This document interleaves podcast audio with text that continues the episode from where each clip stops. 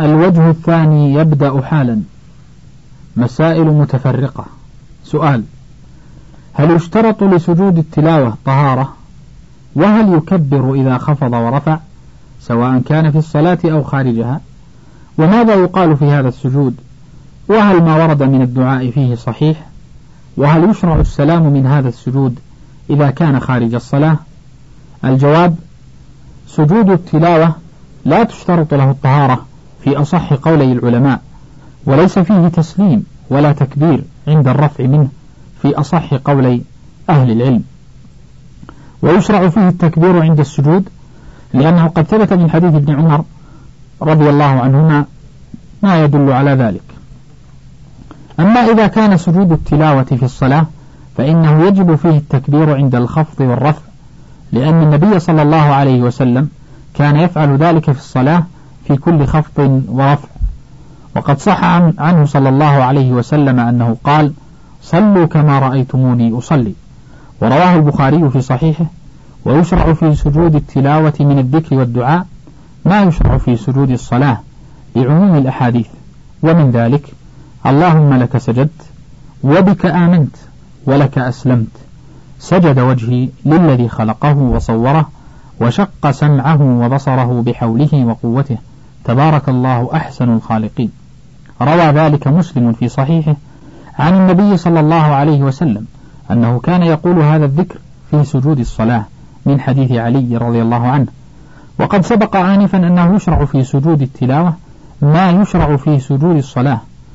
وروي عن النبي صلى الله عليه وسلم أنه دعا في سجود التلاوة بقوله اللهم اكتب لي بها عندك أجرا وامح عني بها وزرا واجعلها لي عندك ذخرا وتقبلها مني كما تقبلتها من عبدك داود عليه السلام. والواجب في ذلك قول سبحان ربي الأعلى كالواجب في سجود الصلاة. وما زاد عن ذلك من الذكر والدعاء فهو مستحب. وسجود التلاوة في الصلاة وخارجها سنة وليس بواجب لأنه ثبت عن النبي صلى الله عليه وسلم من حديث زيد بن, بن ثابت ما يدل على ذلك.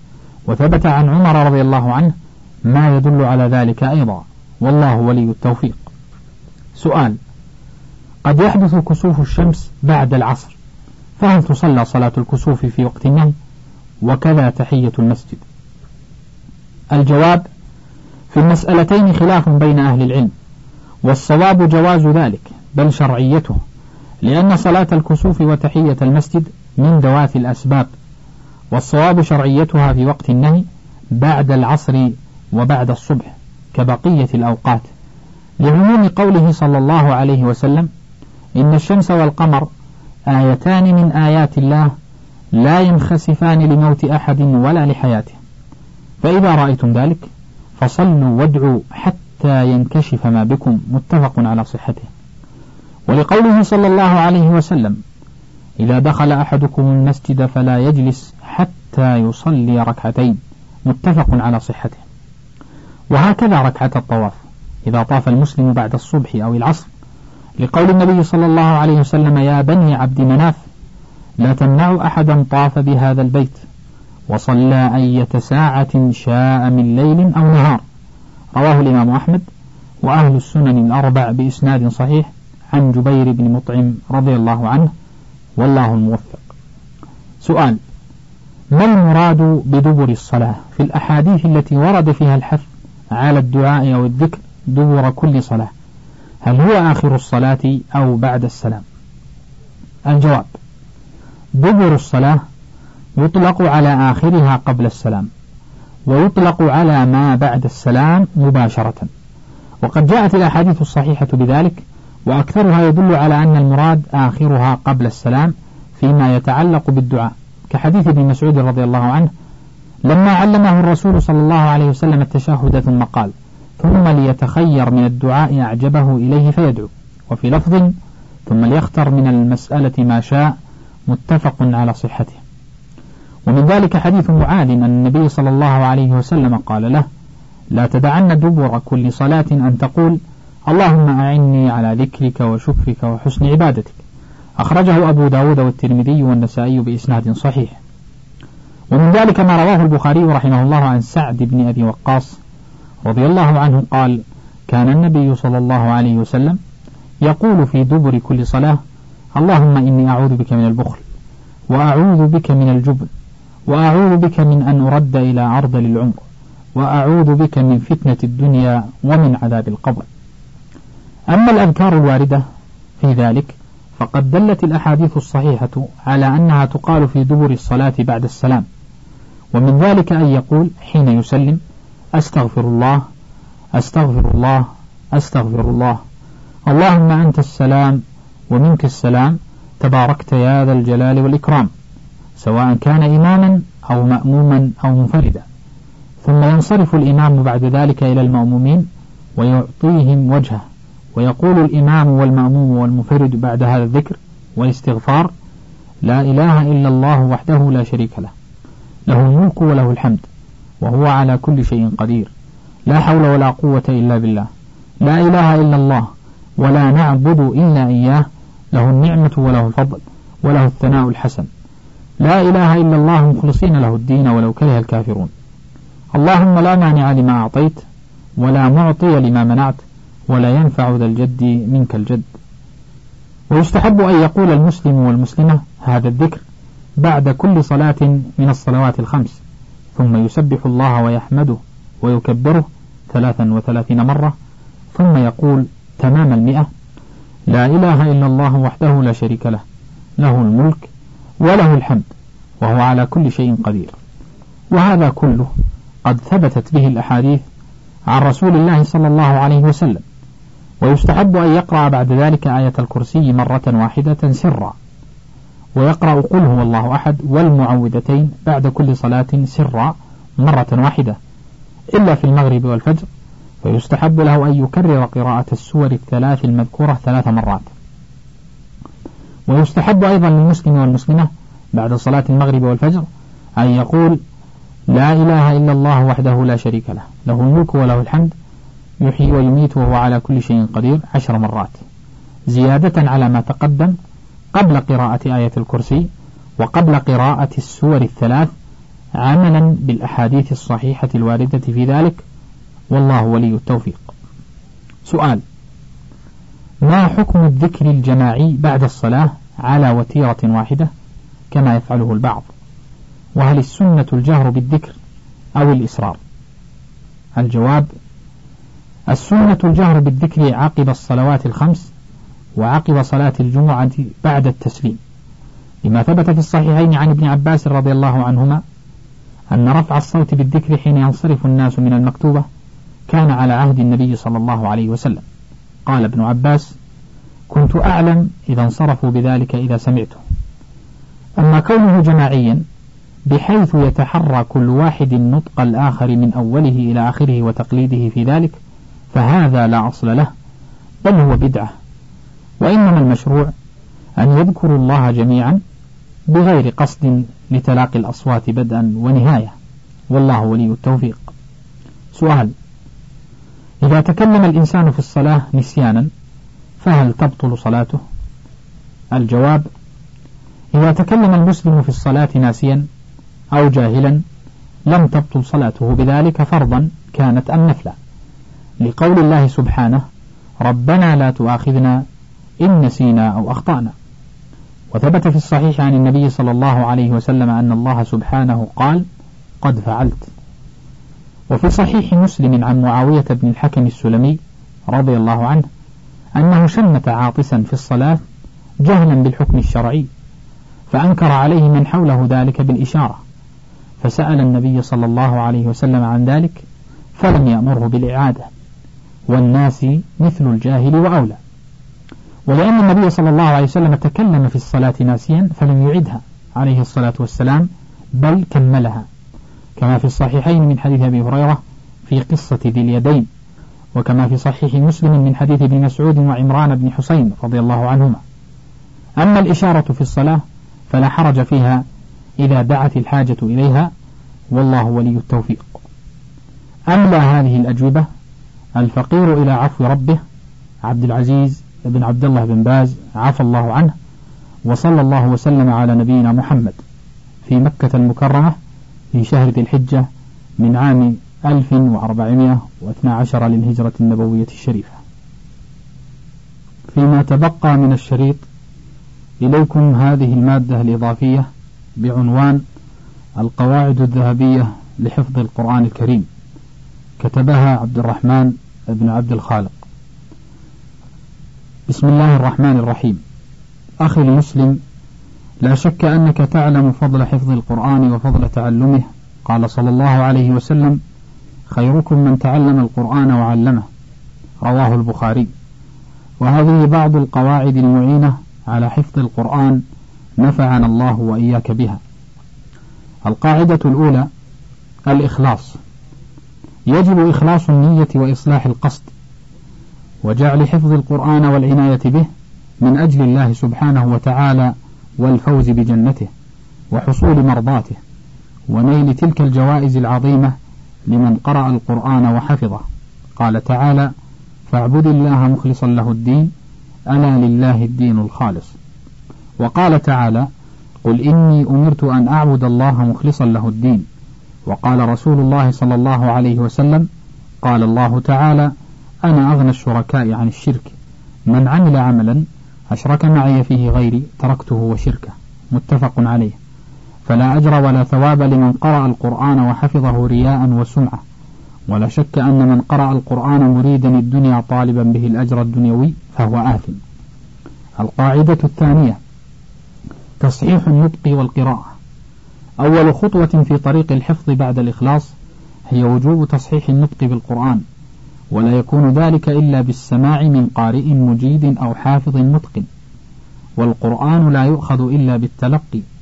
فقد أخذه الرسول صلى الله عليه وسلم وهو أفصح العرب لسانا من جبريل شفاها. وكان الرسول صلى الله عليه وسلم نفسه يعرض القرآن على جبريل كل سنة مرة واحدة في رمضان. وعرضه في العام الذي توفي فيه عرضتين رواه البخاري. وكذا علمه الرسول صلى الله عليه وسلم لأصحابه شفاها وسمعه منهم من أخذوه جيلا بعد جيل. وهذا هو الواجب. الآن أخذ القرآن مشافهة من قارئ مجيد وتصحيح القراءة أولا بأول وعدم الاعتماد على النفس في قراءة القرآن حتى ولو كان الشخص ملما بالعربية وعليما بقواعدها. وذلك لأن في القرآن آيات كثيرة قد تأتي على خلاف المشهور من قواعد العربية. القاعدة الثالثة تحديد نسبة الحفظ كل يوم. يجب على مريد حفظ القرآن أن يحدد ما يستطيع حفظه في اليوم. عددا من الآيات مثلا أو صفحة أو صفحتين من المصحف أو ثمنا للجزء وهكذا. فيبدأ بعد تحديد مقدار حفظه وتصحيح قراءته بالتكرار والترداد. ويجب أن يكون هذا التكرار مع التغني وذلك ليتبع السنة أولا وليتثبت الحفظ ثانيا. وذلك أن التغني بإيقاع محبب إلى السمع يساعد على الحفظ ويعود اللسان على نغمة معينة فتتعرف بذلك على الخطأ رأسا عندما يختل وزن القراءة والنغمة المعتادة للآية. فيشعر القارئ أن لسانه لا يطاوعه عند الخطأ وأن النغمة اختلت فيعاود التذكير. هذا إلى جانب أن التغني بالقرآن أمر مطلوب لا يجوز مخالفته. لقوله صلى الله عليه وسلم من لم يتغن بالقرآن فليس منا. رواه البخاري. القاعدة الثالثة لا تجاوز مقررك اليومي حتى تجيد حفظه تماما. لا يجوز للحافظ أن ينتقل إلى مقرر جديد في الحفظ إلا إذا أتم تماما حفظ المقرر القديم وذلك ليثبت ما حفظه تماما في الذهن. ولا شك أن مما يعين على حفظ المقرر أن يجعله الحافظ شغله طيلة ساعات النهار والليل وذلك بقراءته في الصلاة السرية وإن كان إماما ففي الجهرية وكذلك في النوافل. وكذلك في أوقات انتظار الصلوات وفي ختام الصلاة. وبهذه الطريقة يسهل الحفظ جدا ويستطيع كل أحد أن يمارسه ولو كان مشغولا بأشغال كثيرة لأنه لن يجلس وقتا مخصوصا لحفظ الآيات وإنما يكفي فقط تصحيح القراءة على قارئ ثم مزاولة الحفظ في أوقات الصلوات وفي القراءة في النوافل والفرائض وبذلك لا يأتي الليل إلا وتكون الآيات المقرر حفظها قد ثبتت تماما في الذهن. وإن جاء ما يشغل في هذا اليوم فعلى الحافظ أن لا يأخذ مقررا جديدا بل عليه أن يستثمر يومه الثاني مع مقرره بل عليه أن يستمر يومه الثاني مع مقرره القديم حتى يتم حفظه تماما. القاعدة الخامسة حافظ على رسم واحد لمصحف حفظك. مما يعين تماما على الحفظ أن يجعل الحافظ لنفسه مصحفا خاصا لا يغيره مطلقا وذلك لأن الإنسان يحفظ بالنظر كما يحفظ بالسمع. وذلك لأن صور الآيات ومواضعها في المصحف تنطبع في الذهن مع كثرة القراءة والنظر في المصحف. فإن غير الحافظ مصحفه الذي يحفظ فيه فإن غير الحافظ مصحفه الذي يحفظ فيه. أو حفظ من مصاحف شتى متغيرة مواضع الآيات فإن حفظه يشتت ويصعب عليه الحفظ جدا. ولذلك فالواجب أن يحافظ حافظ القرآن على رسم واحد للآيات لا يغيره. القاعدة السادسة الفهم طريق الحفظ. من أعظم ما يعين على الحفظ فهم الآيات المحفوظة ومعرفة وجه ارتباط بعضها ببعض. وذلك يجب ولذلك يجب على الحافظ أن يقرأ تفسيرا للآيات التي يريد حفظها وأن يعلم وجه ارتباط بعضها ببعض وأن يكون حاضر الذهن عند القراءة وذلك ليسهل عليه استذكار الآيات. ومع ذلك فيجب أيضا عدم الاعتماد في الحفظ على الفهم وحده للآيات بل يجب أن يكون الترديد للآيات هو الأساس. وذلك حتى ينطلق اللسان بالقراءة وإن شت الذهن أحيانا عن المعنى. وأما من اعتمد على الفهم وحده فإنه ينسى كثيرا وينقطع في القراءة بمجرد شتات ذهنه وهذا يحدث كثيرا وخاصة عند القراءة الطويلة. القاعدة السابعة. لا تجاوز سورة حتى تربط أولها بآخرها. بعد إتمام سورة ما من سور القرآن ينبغي للحافظ ألا ينتقل إلى سورة أخرى إلا بعد إتمام حفظها تماما وربط أولها بآخرها وأن يجري لسانه بها بسهولة ويسر ودون إعنات فكر وكد في تذكر الآيات ومتابعة القراءة. بل يجب أن يكون الحفظ كالماء ويقرأ الحافظ السورة دون تلكؤ حتى ولو شت ذهنه عن متابعة المعاني أحيانا. كما يقرأ القارئ منا فاتحة الكتاب دون عناء واستحضار وذلك من كثرة ترداد تردادها وقراءتها. ولكن الحفظ لكل سور القرآن لن يكون مثل حفظ الفاتحة إلا نادرا ولكن القصد هو التمثيل. ثم إن السورة ينبغي أن تثبت في الذهن في الذهن مترابطة متماسكة وأن لا يجاوزها الحافظ إلى غيرها إلا بعد إتقان حفظها. القاعدة الثامنة التسميع الدائم. يجب على الحافظ أن لا يعتمد على حفظه بمفرده بل يجب أن يعرض حفظه دائما على آخر أو متابع في المصحف. وحبذا لو كان هذا مع حافظ متقن وذلك حتى ينبه الحافظ لما يمكن أن يكون مريد الحفظ قد نسيه من القراءة أو ردده دون وعي. فكثيرا ما يحفظ الفرد منا السورة خطأ ولا يتنبه لذلك حتى مع النظر في المصحف لأن القراءة كثيرا ما تسبق النظر فينظر مريد الحفظ في المصحف ولا يرى بنفسه موضع الخطأ من قراءته. ولذلك فيكون تسميعه القرآن لغيره وسيلة لاستدراك هذا هذه الأخطاء وتنبيها دائما لذهنه وحفظه. القاعدة التاسعة المتابعة الدائمة. يختلف القرآن في الحفظ عن أي محفوظ آخر من الشعر أو النثر وذلك لأن القرآن سريع الهروب من الذهن بل قال الرسول صلى الله عليه وسلم والذي نفسي بيده لهو أشد تفلتا من الإبل في عقولها متفق عليه. فلا يكاد حافظ القرآن أن يتركه قليلا حتى يهرب منه القرآن وينساه سريعا ولذلك فلا بد من المتابعة الدائمة والسهر الدائم على المحفوظ من القرآن. وفي ذلك يقول الرسول صلى الله عليه وسلم إنما مثل صاحب القرآن كمثل صاحب الإبل المعقلة. إن عاهد عليها أمسكها وإن أطلقها ذهبت. وقال أيضا تعاهدوا القرآن فهو الذي نفسي بيده لهو أشد تفصيا من الإبل في عقلها رواه البخاري ومسلم. ومعنى تفصيا أي تفلتا. وهذا يعني أنه يجب على حافظ القرآن أن يكون له ورد دائم أقله جزء من الثلاثين جزءا من القرآن كل يوم وأكثره قراءة عشرة أجزاء كقوله صلى الله عليه وسلم من قرأ القرآن في أقل من ثلاث لم يفقه متفق عليه. وبهذه المتابعة الدائمة والرعاية المستمرة يستمر الحفظ ويبقى وبدونه يتفلت القرآن. القاعدة العاشرة العناية بالمتشابهات. القرآن متشابه في معانيه وألفاظه وآياته. قال تعالى الله نزل أحسن الحديث كتابا متشابها مثانية تقشعر منه جلود الذين يخشون ربهم ثم تلين جلودهم وقلوبهم إلى ذكر الله. وإذا كان القرآن فيه نحو من ستة آلاف آية ونيف فإن هناك نحو من ألف آية فيها تشابه بوجه ما قد يصل أحيانا حد التطابق أو الاختلاف في حرف واحد أو كلمة واحدة أو اثنتين أو أكثر. لذلك يجب على قارئ القرآن المجيد أن يعنى بعناية خاصة بالمتشابهات من الآيات ونعني بالمتشابه هنا التشابه اللفظي.